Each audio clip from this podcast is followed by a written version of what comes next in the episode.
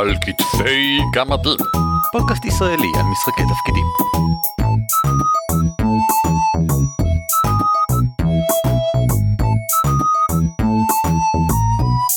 שלום וברוכים הבאים לפרק 160 של על כתפי גמדים, פודקאסט ישראלי שעוסק בעולמות פראיים, והיום אנחנו נדבר על השיטה עולמות פראיים, Savage Worlds באנגלית, עליה דיברנו הרבה מאוד בעבר ונמשיך לדבר עליה עוד בעתיד, אבל הפעם ספציפית החלטנו להרחיב ולהציג אותה שלב שלב כדי שבסוף הפרק הזה תוכלו לא רק לדעת איך לשחק אותה, אלא גם לדעת מה אנחנו חושבים עליה, אם זה מעניין אתכם, סקרנים למשל, איזה טעמים וגיוונים אפשר לעשות איתה, אה, ונוכל לשלוח אתכם למקומות נוספים אחר כך, כי באייקון הקרוב, לדוגמה, שזה כנס שמתרחש כבר ממש בעוד כמה אה, חודשים, יארך הנחיה אולימפית 10 על טהרת עולמות פראיים.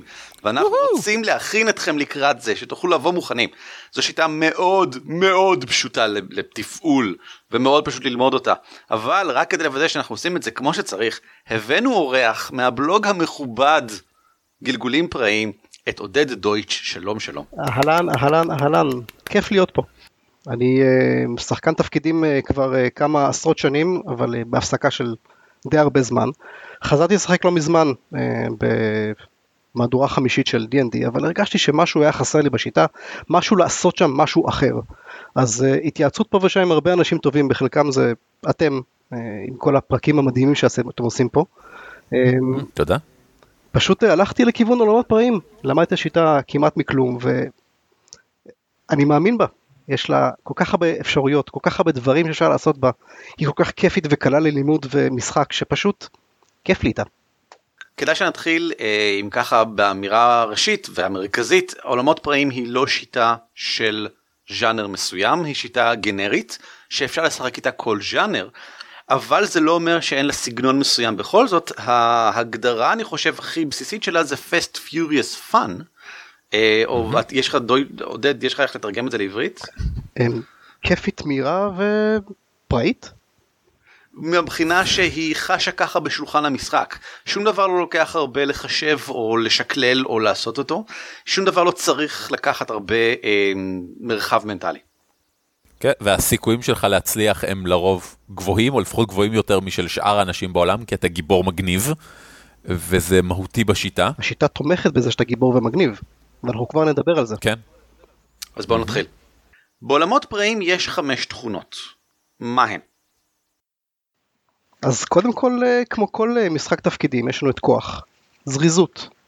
אמ, יש לנו את אה, פיקחות, יש לנו את הרוח ואת החיות, את החוסן של, ה, של הגיבור. וכל התכונות האלה הן קוביות, בניגוד למשל למבחנים ודרקונים או שיטות כאלה שבהן... הם... או מספרים או תוספים. למשל, אז כאן זה קובייה, הקוביות נעות בין ק4 לק12, אותן קוביות שאנחנו מכירים, רק ק20 שמים אותה בצד, ולא משנה מה אתה מגלגל, ולא חשוב האם אתה מגלגל תכונה או אחת מהמיומנויות שנדבר עליהן עוד רגע, אתה תמיד מנסה לעבור את 4. זאת אומרת, הספרה 4 היא האל הקדוש של עולמות פראיים וזה נשמע נורא נמוך פעם ראשונה שמדברים על זה כאילו זה לא, למשל לא תאמינו לי זה כל כך זה לא כל כך לא בגוף 6 כן שזאת לא תכונה אדירה, תכונה ממוצע. טובה זה קוף, זה ממוצע כזה, כי קוף 4 זה תכונה חלשה, קוף 6 זה תכונה ממוצעת, קוף 8 זה תכונה טובה, קוף 12 זה תכונה אגדית. ואתה אומר לעצמך, מה, בקוף 6 יש לי 50% להוציא 4 ומעלה. כמה קשה זה כבר. וחכו, או נספר לכם עוד רגע, כשאתה גיבור אתה מקבל אפילו עוד כל מיני בונוסים. ועדיין 4 הוא מספר איום ונורא. מאוד מאוד קשה. מאוד גבוה, כן. משום מה, זה מרגיש, אבל זה נהדר כמובן, אתה מצליח הרבה, אבל אתה לא מצליח יותר מדי. עכשיו, משהו אחד חשוב כבר עכשיו גם לציין, זה הרעיון של העלאה. אם השגת מעל 4 ב-4, או במילים אחרות 8, 8, כן, השגת העלאה, שזה אומר הצלחת אבל יותר טוב. יש מקומות בשיטה שבהם זה מאוד רלוונטי ויש לזה הגדרות פורמליות ויש מקומות שבהם זה פתוח לפרשנות של המנחה שאומר למשל אם גלגלת להשיג ידע ויצא לך עם העלאה אז השגת מלא ידע וכל הכבוד לך. או פרטים מעניינים במיוחד או ידע נדיר יותר כחלק מזה. אה, תחשבו על זה בחלק מהמקומות כמו גלגול 20 טבעי, שוואלה, יש לי העלאה אז מה שעשיתי הצליח משמעותית יותר, כמו לדקור מישהו, אז עשיתי לו יותר נזק. ומצד שני, כמו וואו, אני מנסה לגלות את uh, עוד פרט על מאיפה בא הנבל של הקמפיין, אז עם העלאה זה לא רק הוא בא מיורקשר, אלא הוא בן של הדוכס השלישי מיורקשר וחונך בבית אצולה. מעבר לתכונות יש גם מיומנויות והמיומנויות באות באותו אופן בין ובכן בין כלום לקוף 12 בגלל שתכונות תמיד יש לך לפחות קוף 4 אבל ייתכן שאין לך מיומנות. ועודד כמה מיומנויות בערך יש בשיטה? היה בערך כ-25 מיומנויות שונות. אפשר... כן משהו כזה כן. וזה ממש בסדר לא להכיר את כולן זאת אומרת אתה לא אמור אתה אמור למעשה להתמקד ב-2 3 4 5 ככה שהן הן בעצם העיקר של הדמות שלך, זה נכון? הם למעשה מה שמגדיר את הדמות שלך ומבדיל אותה מדמות אחרות. אתה מתמקצע במשהו מסוים. אם אתה מטיל לחשים אתה תלמד הטלת לחשים. אם אתה אה, אה, פייטן לצורך העניין או טרובדור, אתה תלמד, אתה תלמד נגינה בכלי מסוים. עכשיו כדאי להבהיר שאין מקצועות בשיטה הזאת זאת אומרת באמת שהדרך העיקרית להבדיל זה איזה מיומנויות אתה בוחר ועוד מעט לקראת הסוף נדבר גם משהו שנקרא אג'ים והם משהו נוסף שמאוד עוזר להבדיל בין דמויות.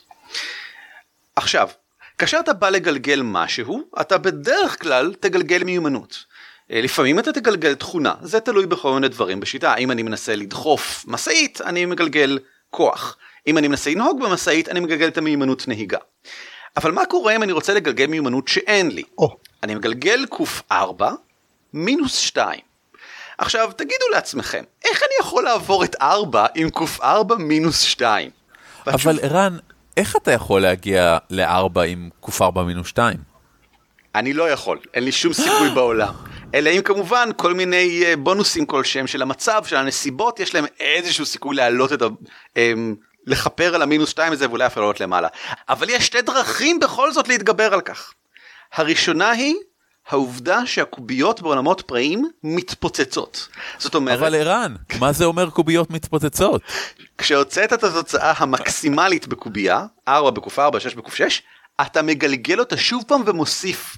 ואם יצא לך שוב פעם מקסימלי, אתה עושה את זה שוב פעם. מה שאומר שקוף 4 יכולה פוטנציאלית למעשה אחת לארבע פעמים להתפוצץ ולגדול לפחות לחמש אה, פוטנציאלית יותר וכן הלאה. זה מטורף כי זה אומר כן. שכל גלגול בשיטה לא חשוב כמה גרוע אתה או כמה גרוע האויב שלך יכול להפוך להצלחה מסחררת בן רגע ובהפתעה. הדבר השני שיכול לבוא לעזרתך זה העובדה שאתה גיבור. הקוביות מתפוצצות לכולם אבל גיבורים זוכים לבונוסים נוספים מיוחדים מעבר לכך, כמו שאמרנו מקודם. גיבור נקרא wild card בשיטה, זה מושג טכני. אתה, כל השחקנים הם wild cards, אני חושב שבתרגום של אה, זה לעברית זה היה הם, אמ, ג'וקרים? כוכבים. כוכבים, בסדר גמור. כוכבים וניצבים. וניצבים בדיוק וכל השאר nice. הם ניצבים עכשיו גם דמויות uh, מנחה מסוימות יכולות להיות כוכבים בדרך כלל בוסים רציניים וכאלה בגלל שלהיות כוכב אומר שני דברים מאוד גדולים. האחד כל פעם שאתה מגלגל קובייה ולא חשוב מה אתה מנסה להשיג mm-hmm. אתה מגלגל גם קוף6 נוספת של הגבורה שלך ובודק בנפרד עבור כל אחת מהן אם הצלחת או לא. זאת אומרת, למשל, אם אני נכנס למשאית וממש דחוף לי עכשיו לנהוג במשאית ואני מגלגל נהיגה למשאית, רק שאין לי את מימנות הנהיגה אז אני מגלגל 1 תקופה במינוס 2, אני לא עומד להצליח. אבל אני גם גיבור, ולכן אני תמיד מגלגל גם ק6, לא משנה מה אני מנסה לעשות. ואולי הצלחתי עם ק6. אני ו... אזכיר למאזיננו שני דברים, אחד, גם קוביות הגיבור מתפוצצות. בהחלט. ושתיים, ארבע באופן שמאוד מטעה, מאוד קשה להגיע, גם עם קוביות הגיבור. עדיין קשה להגיע. אה, חשוב לציין שזה עדיין מינוס 2, המינוס 2 משפיע על שתי הקוביות, זה כן. אבל מעבר לכך, העובדה שאני תמיד מגלגל גם את הגבורה שלי, ושזה קובייה לא רעה, קופשה זו קובייה לא רעה, אומר שכגיבור יש לי את הנטייה להצליח, אני לא אגיד להצליח בגדול, בגלל שאין לדעת מה עומד לקרות בשיטה הזאת, שזה אחד מהדברים הנהדרים שלה. אבל הדבר השני החשוב בלהיות גיבור זה הצ'ופרים. כי בוא נגיד שגלגלתי ונכשלתי. יש לי צ'ופרים, אני מתחיל עם שלושה בתחילת כל מפגש, אני יכול לקבל עוד אם אני עושה דברים מהנים ונחמדים במהלך המפגש, וכל פעם שאני נכשל, אני יכול פשוט להשתמש בצ'ופר, להחזיר אותו למנחה, ולגלגל מחדש את כל הגלגול, זאת אומרת, גם את הקובייה המרכזית וגם את הקופשש, כי אני גיבור. ושוב פעם יש לי סיכוי להצליח עם כל אחת מהן ככה. אז צ'ופרים, באנגלית נקראים בניז, הם אחלה בחלה של דבר שבעולם. כמובן, גם לרעים יש אותם אם הם, הם כוכבים. כוכבים. בוא נעבור לדבר קצת על הקרב, כי זה אחד אני חושב מהדברים המדהימים בשיטה הזאת, כמה באמת מהיר הוא מצליח להיות ועדיין מעניין ואלגנטי. אה, עודד, תן לנו בבקשה תיאור כללי, איך בעצם עובד הקרב? מה אני עושה בתור שלי ואיך קובעים תורות בכלל? כמו כל קרב בכל אה, שיטת אה, משחק תפקידים, נקבעת יוזמה. איך קובעים יוזמה? בשיטת העולמות פראיים אנחנו שולפים קלפים, קלפי משחק רגילים שאנחנו משחקים איתם פוקר או כל משחק אה, קלפים אחר, באמצעותם אנחנו קובעים את תור היוזמה. מי ששולף יותר גבוה ככה הוא יותר אה, מתקדם בתור. אבל עודד, זה נשמע נורא לא הוגן. זאת אומרת, אם סתם מחלקים קלפים לכולם, וראוי לציין שעושים את זה מחדש בתחילת כל סבב קרב, שוב פעם נותנים לכולם קלפים. אמ, זה נשמע כאילו אין שום השפעה לכך שאני נגיד משחק דמות עם זריזות גבוהה, אני לא אמור לפעול ראשון?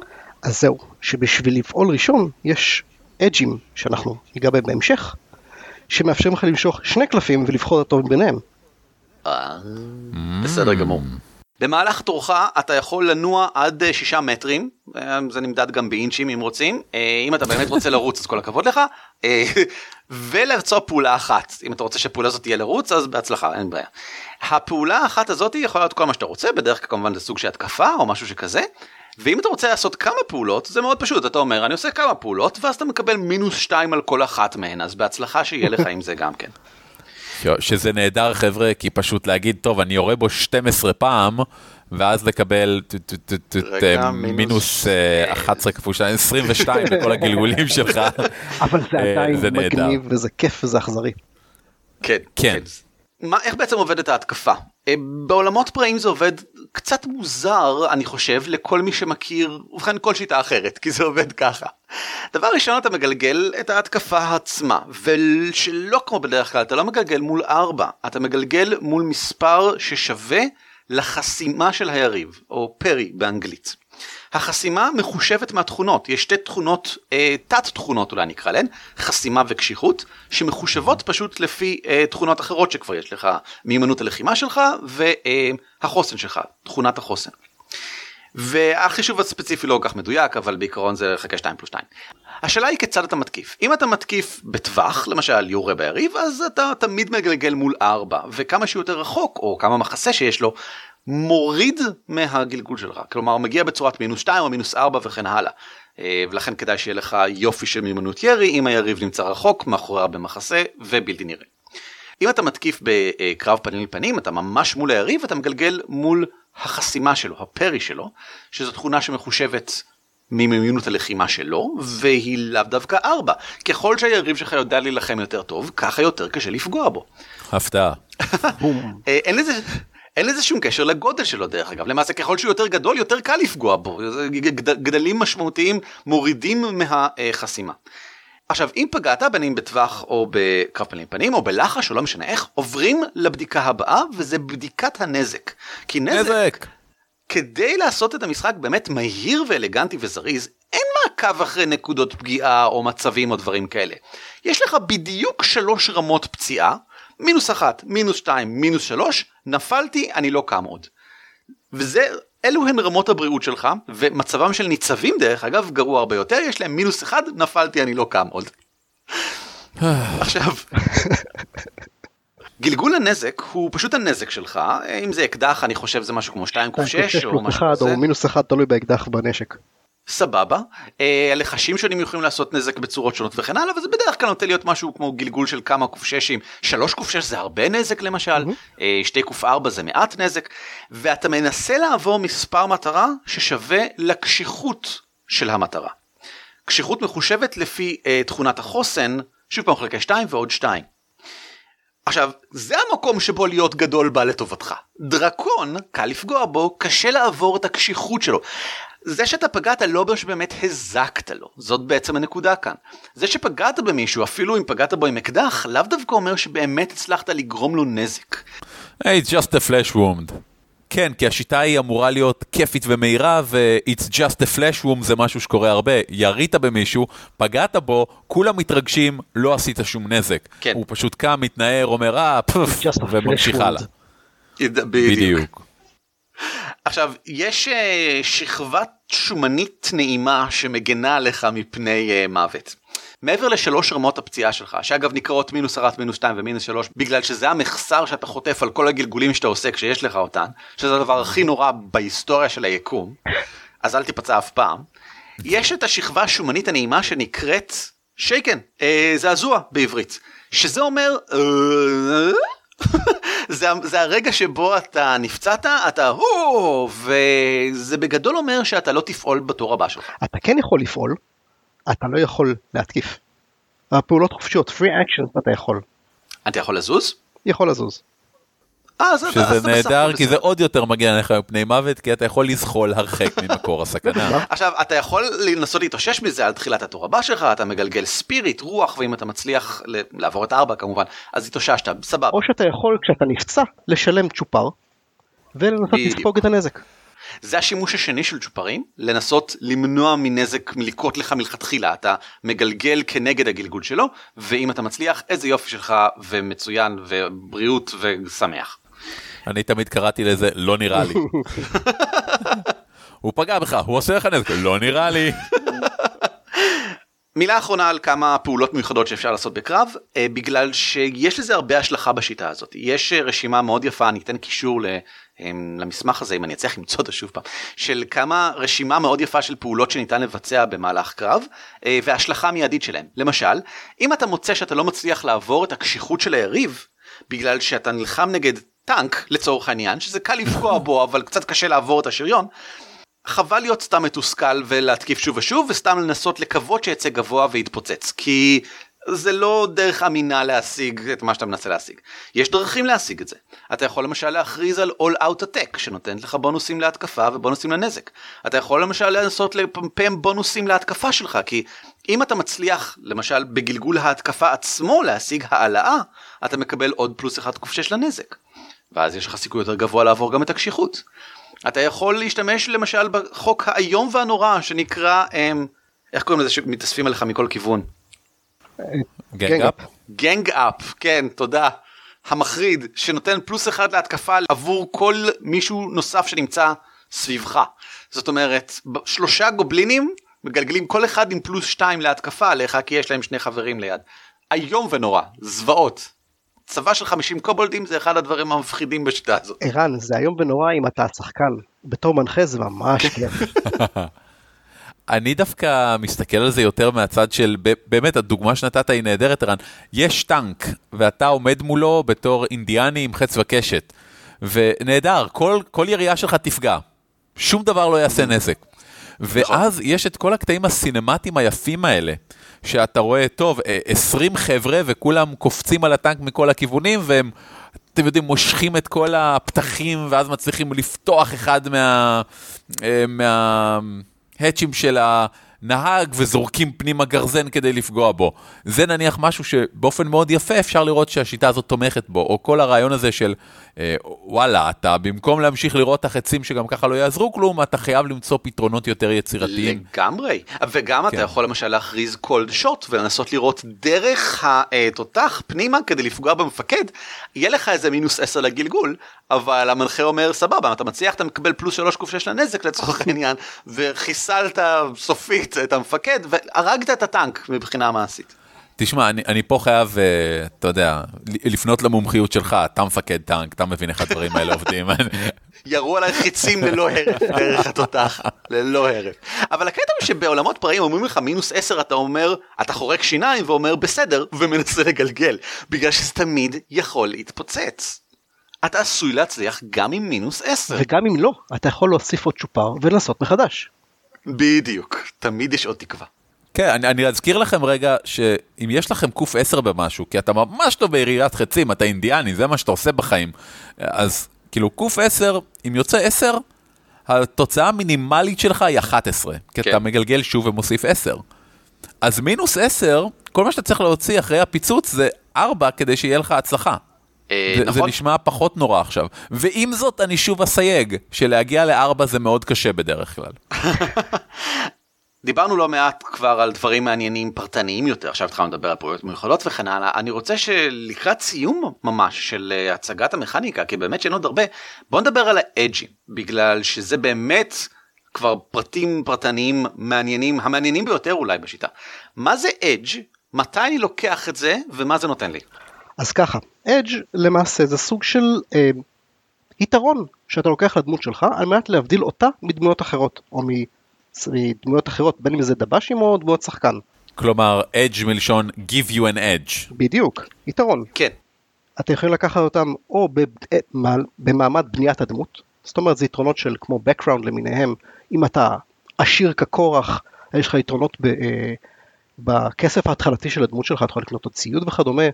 אם יש לך, אה, דיברנו לפני כן על, על, על היוזמה בקרב, יש לך אפשרות של אה, first strike, שאתה יכול בעצם אה, לתת את המכה הראשונה no matter what. זה סוג של אדג'. עכשיו חלק מה, מהיתרונות הללו אתה יכול לקחת בעצם בבניית הדמות, וחלק עם ההתקדמות של הדמות במהלך הקריירה שלה, במהלך החיים שלה. איך בעצם עובדת ההתקדמות כאן? אתה עולה דרגות? איך זה קורה? אמ, בגדול כן, יש לך למעשה חמש דרגות. רמה מתחילה, רמה מנוסה, ותיקה, מומחית ואגדית. אבל, Mm. אבל, זה לא הכל. בין כל הרמות הללו יש רמות משנה. זאת אומרת, כל חמש נקודות לצורך העניין, אתה מתקדם רמת משנה עד שאתה מגיע למעשה לרמה הבאה. מה אני מקבל ברמות המשנה האלה? התקדמות. התקדמות זה אומר יתרון חדש, שיפור מיומנות אחת, אמ, שיפור שתי מיומנות אה, שאת- שכבר יש לך אותם, למידת מיומנות חדשה, העלאת תכונה, כל דבר שאתה יכול בעצם כדי לשפר את הדמות שלך.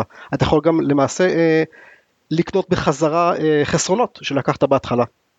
Mm, אפילו לא דיברנו על חסרונות. אה, חסרונות הם מעניינים לא רק בגלל כמה שהם החלטיים בדרך כלל, אני די התפלאתי לראות למשל שיש חיסרון כמו אמ, פה גדול שאומר אתה בגדול תמיד מברבר מלא.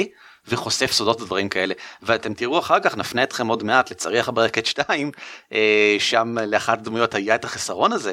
אה, יש חסרונים כמו שהדמות של אורי לקחה כבד שמיעה ומינוס 2 לגלגולי הבחנה שקשורים לשמיעה בסדר זה ברור אבל חסרונות אישיותיים המשחק מצפה ממך ללכת איתם עד הסוף. וזה גם כדאי לך כי אתה בעיקרון אמור לקבל על זה בניז כשאתה כלומר צ'ופרים כשאתה אה, מיישם אותם במשחק. גם שווה לציין שהרבה מהחסרונות האלה, יש אותם ברמה המינורית או המז'ורית. נכון. ואם אתה לוקח אה, חיסרון בולט, אז באמת, הם מצפים ממך לשחק אותה, אין, אין, אין השפעות טכניות, אבל זה נורא כיף. זה, אני, אני אוהב שיטות שמכניסות אה, או רולפליי למכניקה ומתחשבת. עכשיו חשוב גם לציין לגבי האדג'ים שגם הם יש סוג של בנייה זאת אומרת יש אדג'ים מתחילים כאלה אדג'ים פשוטים ויש אדג'ים שבונים עליהם או שיש להם הרבה דרישות למשל יש את הפרופשיונל אדג'ס האדג'ים המקצועיים שזה סוג של כמו ההפך ממקצוע זאת אומרת ב-D&D אתה מכריז אני פלאדין ואז אתה מקבל יכולות.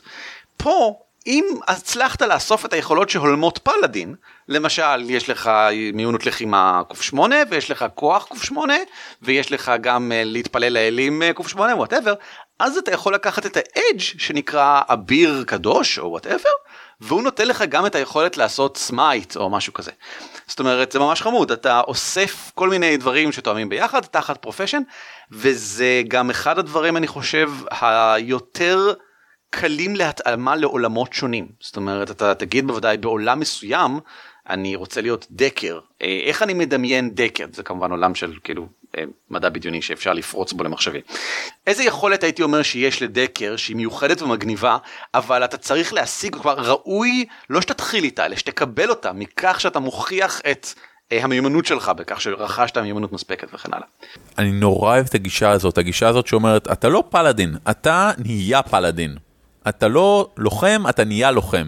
אתה מרגיש שהרווחת את הדברים. במובן הזה כל המקצועות קצת, ב...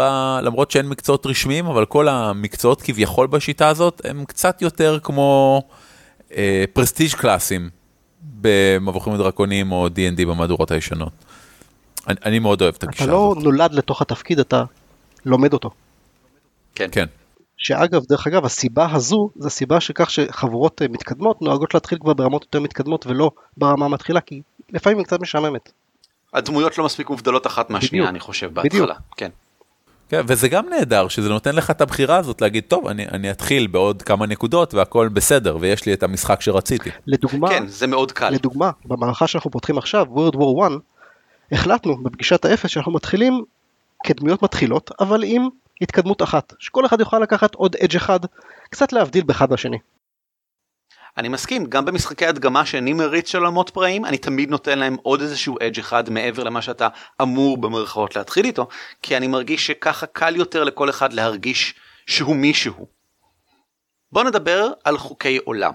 מה הם ולמה הם מגניבים תחת. זה כל היופי של עולמות פראיים, של Savage Worlds, בתור שיטה גנרית. אתה יכול לשחק במעשה בכל עולם שהוא, עם חוקים שמתאימים לאותו עולם. זאת אומרת, החוקים שמתאימים מתאימים לעולם כמו Weird War, אינם מתאימים uh, לחוקים uh, בעולמות uh, כעולמות פנטזיה וגם לא בסייבר פאנק. Uh, כל אחד והדברים שלו. אז בוא תן לנו דוגמה, מהו Weird War, העולם שבו אתם מתחילים לשחק עכשיו, ואיזה חוקי עולם יש לו. אז ככה, אה, המערכה של Weird War, המלחמה המוזרה, עוד לא מצאתי לזה שם עברי יותר מתאים לזה, אה, זה למעשה מלחמת העולם הראשונה כמו שאנחנו מכירים אותם, אה, מכירים אותם משיעורי היסטוריה, למי מאיתנו שאשכרה למד היסטוריה, אני אחד מהם, שכל אחד מהדמויות בעצם משחקת בתור חייל רגלים באחד הצבאות שלוחמים במלחמה הזו. זאת אומרת, אתה חייל, אתה חייל רגלי, אתה יודע לירות בנשק, אתה יודע לירות בארטילריה, אתה יודע לטפל בפצועים אם אתה אה, חובש, והעולם, כל, כל החוקים, כל השיטה, כל האג'ים, היתרונות, מוכוונים למערכה צבאית שכזו. עכשיו, מהיותה של המלחמה היא מלחמה מוזרה, אתה נתקל שם בהמון דברים שהם, איך לומר, לא הופיעו בשיעורי ההיסטוריה. מה זאת אומרת? כשאנחנו עושים, אה, אה, אני מתחיל אה, את אחת המשימות שלנו, ואני למעשה בא ובתור מנחה בא ובונה את המשימה הזו, את ההרפתקה במרכאות, כי זה לא באמת הרפתקאות, אתה יוצא למשימות בעורף האויב וכדומה, Hmm. אתה מגלגל כמה קוביות כדי ליצור איזושהי מסגרת לסיפור, זה ממש מובנה בתוך ספר החוקים אה, אה, למנחה, ואחת הקוביות שאתה מגלגל שם, זה האם יש דברים מוזרים שקורים.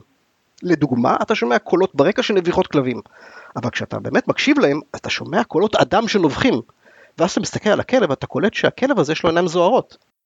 נשמע מוזר. איך זה מתבטא מבחינת חוקי עולם? לדוגמה, קח את, אה, אה, דיברנו על, אה, על תכונות שהן למעשה driven, שהן נובעות מתוך תכונות אה, נוכחיות. לדוגמה, העדיפה וה, אה, אה, והקשיחות שנובעו מקוביות אחרות, מתכונות אחרות. אז במלח, במלחמה המוזרה יש מדד שנקרא insanity, מדד השפיות של השחקן. המדד הזה נובע, כמו כל אחד מה-driven אה, attributes הללו, נובע למעשה מהספיריט, מה, מה, מהרוח, רוח הלחימה של אותו חייל.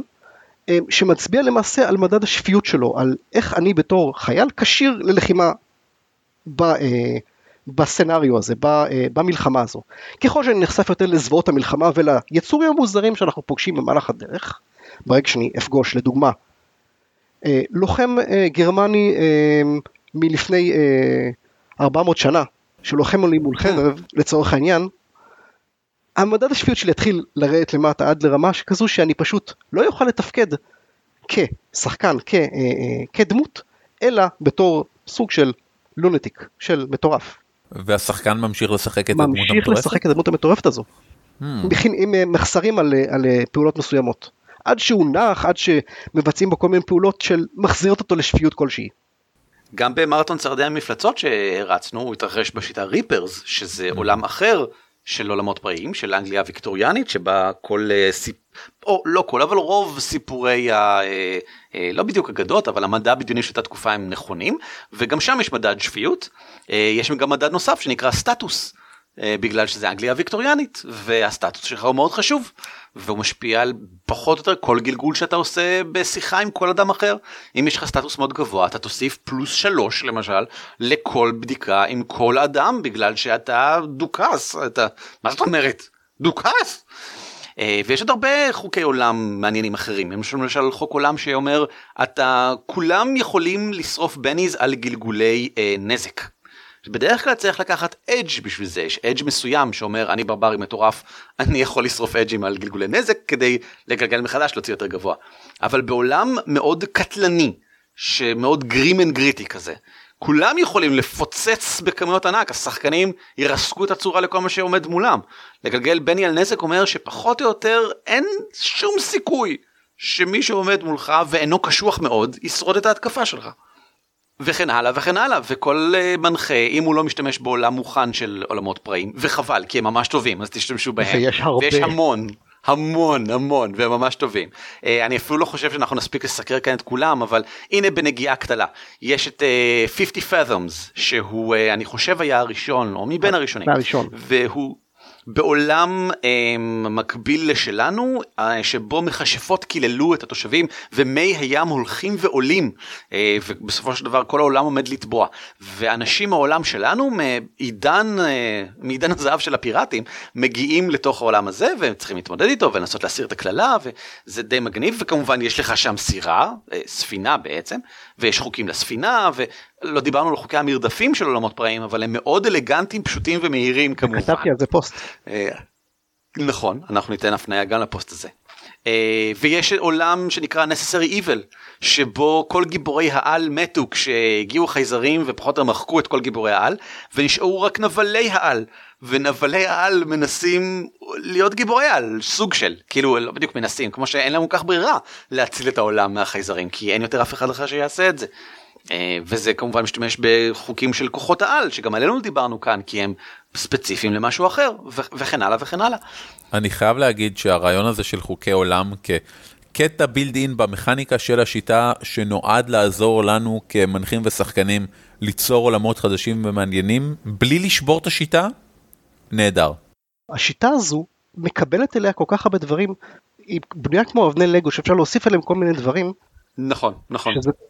קראתי אפילו פוסט באחד באיזשהו אה, בלוג שאני עוקב אחריו, שהוא לקח את כל השיטה של אה, אה, אה, מגורל, את אה, כל נושא האספקטים, והכניס אותו לתוך המכניקה של עולם הפראים. מעניין. השאלה אם הוא הצליח לשמור עליה שתהיה מהירה, זאת, זאת ה... ו-fast ו-furious. צריך לקרוא. ולהבין. אני לא מכיר את Fate, אני לא יודע להגיד. לכם, אז אה, בוא נגיד אה, מילה אחרונה על אה, קלפי הרפתקה, שזה משהו שאתה משתמש בו עכשיו? נכון, נכון. מה זה בעצם? קלפי הרפתקה למעשה זה איזשהו קלפים אה, צבעוניים ויפים ומגניבים, אה, שמחולקים לשחקנים בתחילת כל סשן. עכשיו, במאמר מוסגר, ה meta gaming של עולמות פראים Hmm. זה משהו אינהרנטי בשיטה.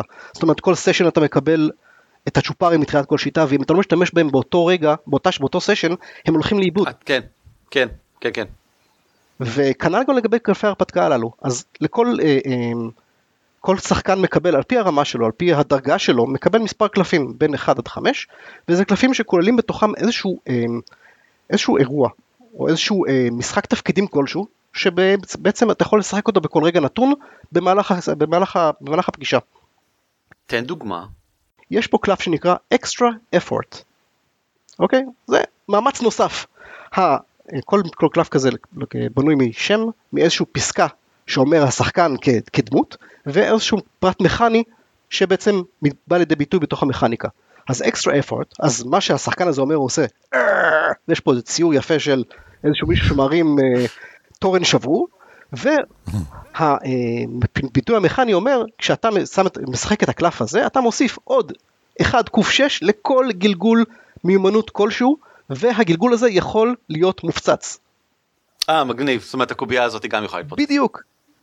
פרט קטן, אבל זה כאילו, ואני בתור מנחה, לפעמים כששחקן שולף לי את הקלף הזה, אני בא אליו ואומר לו, תגיד לי, מאיפה הקרסת לי את הקלף הזה שעובר לי פה עכשיו את כל הסצנה? אבל זה מגניב. לא, זה מגניב גם אותי תוך זה כדי. שם, בשביל זה שם. זה בעצם מגביל את השחקן בדרכים שיש לו לשבור לגמרי את הסצנה מתישהו שהוא רוצה במהלך המשחק בדיוק, פעם אחת. בדיוק. שזה נחמד. עכשיו, אני לא אוהב יודע. מה הקלף- מה השחקנים שלי מחזיקים. אין לי מושג איזה קלפים יש להם ביד. אלא אם כן הם חושפים את הקלפים אליהם. זה נחמד מאוד. אמ, בואו נדבר אם ככה על עוד נגיעה של meta gaming שהיא מאוד מעניינת, ה interludes, אה, משהו שאורי מאוד אוהב, משהו שגם השתמשנו בו במכניקה שלו במהלך אמ, אה, צעדי המפלצות. צעדי המפלצות, כן, בהחלט. אמ, מטרתם של interludes היא להוות את ה interlude, את הרגיעה, קטע רגיעה בין קטעי אקשן. סצנה, למשל סצנת מסע או סצנת ערב מסביב למדורה, שולפים קלף, כבר יש לנו קלפים, גם אם לא, גם אם לא קלפי הרפתקה, יש לנו קלפים בכל מקרה בגלל שאנחנו משתמשים בהם ליוזמה. ולא רק ליוזמה, גם במרדפים אתה משתמש בהם. נכון מאוד.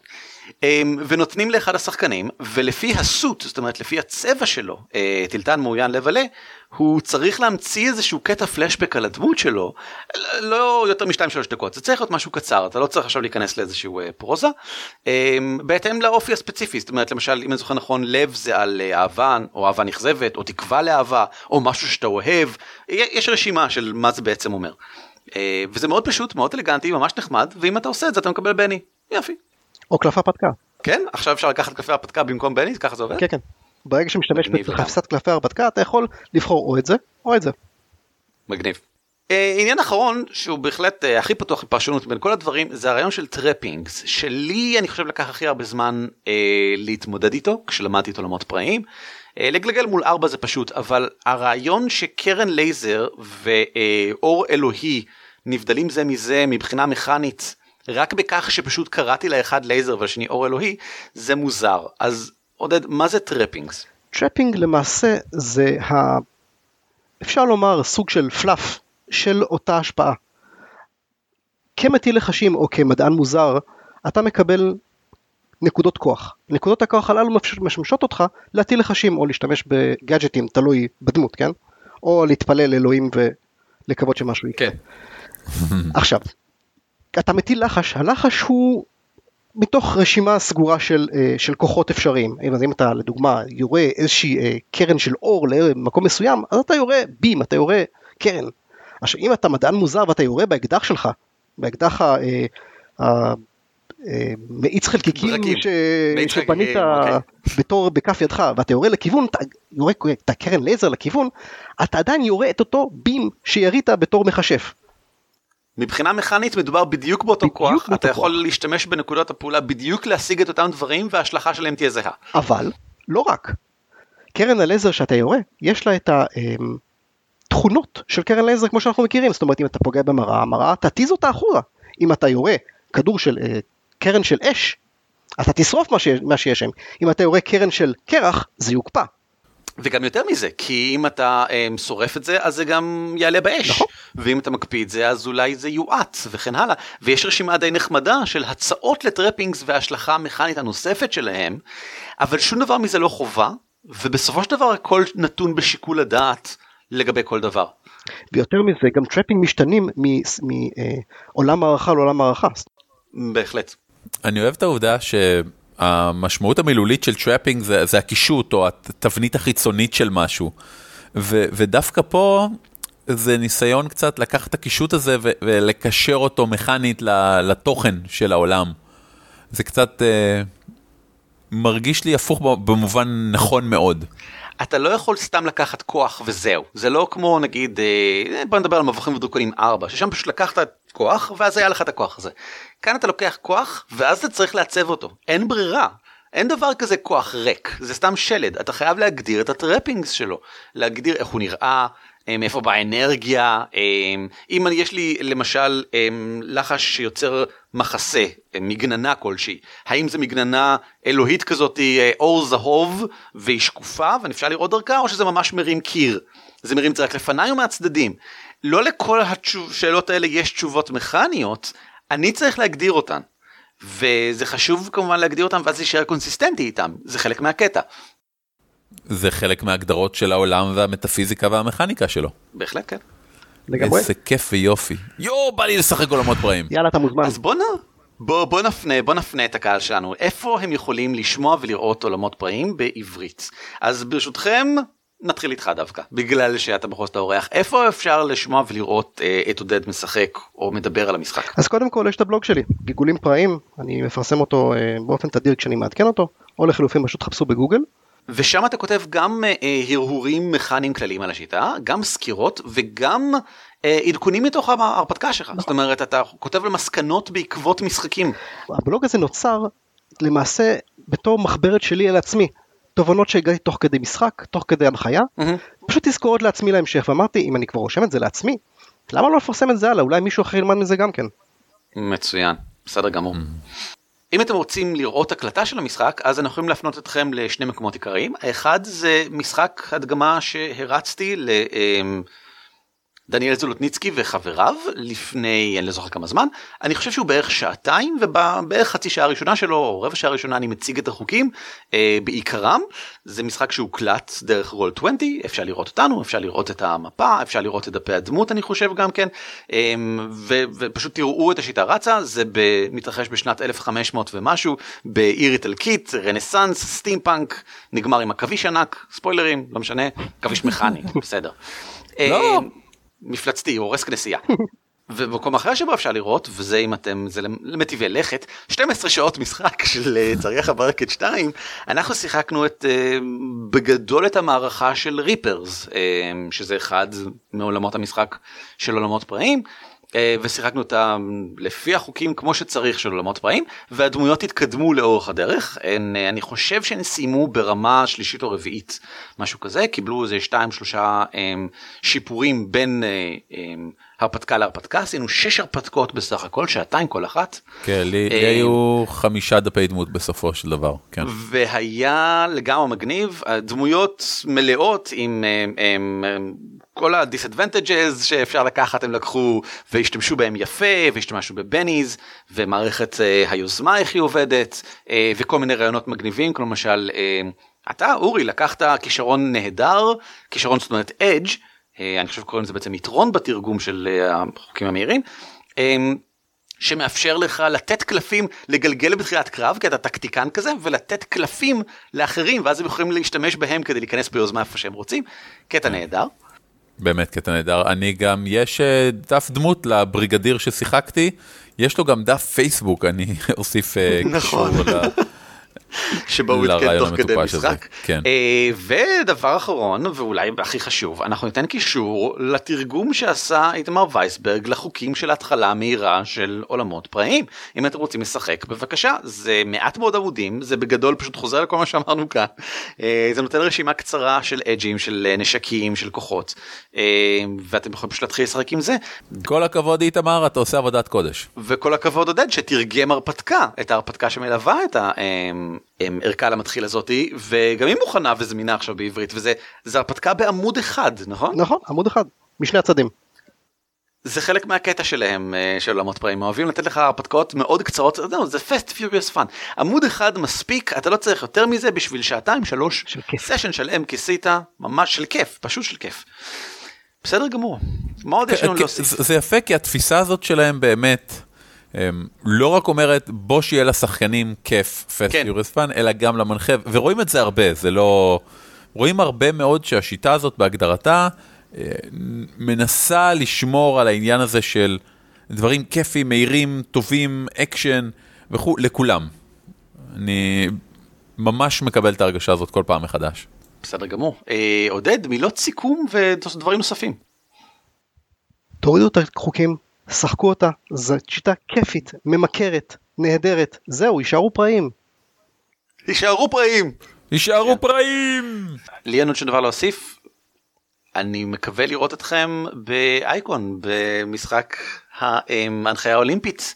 הנחיה אולימפית 10 על טהרת עולמות פראים אה, וגם לפני כן אנחנו מתכוונים לעשות עוד כל מיני משחקים אנחנו נעשה משחק אונליין אה, שבו אולי גם אתם תוכלו להשתתף אם אתם רוצים נציג את השיטה עוד ונגרום לכם לשחק בעוד אה, לא בגלל שמישהו מאיתנו מקבל מזה כסף בגלל שכולנו מאוד אוהבים אותה. מאוד אוהבים.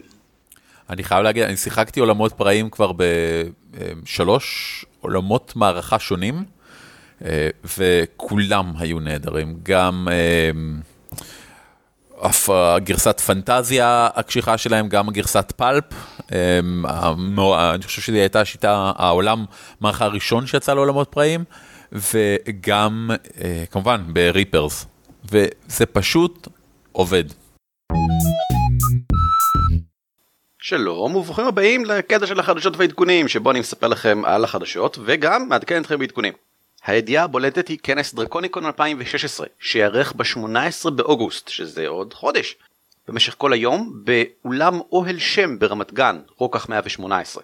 אפשר וכדאי כבר עכשיו להירשם להנחות אירועים ודרקוניקון הוא כנס מאוד כוללני אפשר להריץ בו איזה משחקי תפקידים שבראש שלכם אפשר להשתתף באגודת מגלי ארצות בליגת ההרפתקנים של מבוכים ודרקונים 5 שניהם מספקים לכם הרפתקאות מוכנות וקהל שבוי בטוח שישמח לבוא לשחק אצלכם או שאפשר להביא את החד"פים שלכם מהבית או שאפשר להנחות משחקי לוח או שאפשר להנחות טורנירים יש הרבה מאוד אירועים בכל כנס דרקוניקון.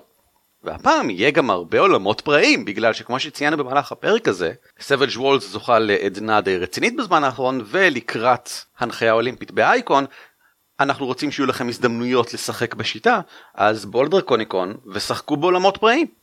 דרקוניקון במידה ואתם לא מכירים הוא כנס הקיץ המרכזי בישראל כבר לדעתי 7 או 8 שנים והוא רק הולך וגדל משנה לשנה למעשה הוא כל כך גדול הפעם שהם עברו למקום חדש במיוחד בשביל זה אז אם אתם גם מכירים את דרקוניקון בשנים קודמות שימו לב שזה לא באותו מקום זה במקום חדש אוהל שם ברמת גן. זהו מעבר לכך יש לי רק עוד עדכון אחד וזה שהסתיימה הרפתקת האויב שבינינו אה, ההקלטת משחק שבה אנחנו מקליטים משחק שולחני עם אה, אביב אביתר דסי ואני.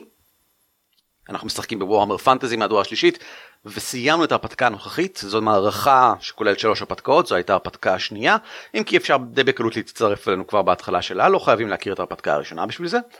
ועכשיו סיימנו וכמו שצריך לסיים סיימנו עם uh, פרק Christmas special פרק מחזמר ואם לא ברור מה זה ואיך עושים כזה דבר אז אתם מוזמנים לצפות בו.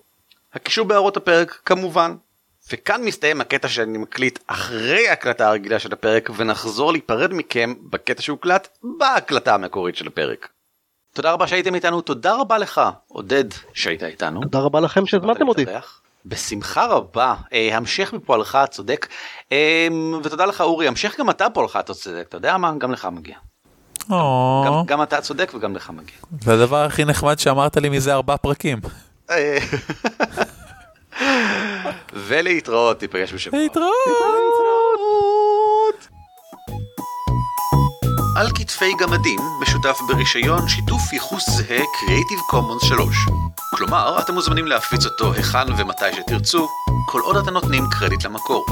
הצוות שלנו הוא ערן אבירם, אורי ליפשיץ ואביב מנוח, וניתן למצוא אותנו באתר שלנו ב-dwarves.org.il, בפייסבוק, בטוויטר או בגוגל פלוס. או לשלוח לנו מייל לגמדים את roleplay.co.il.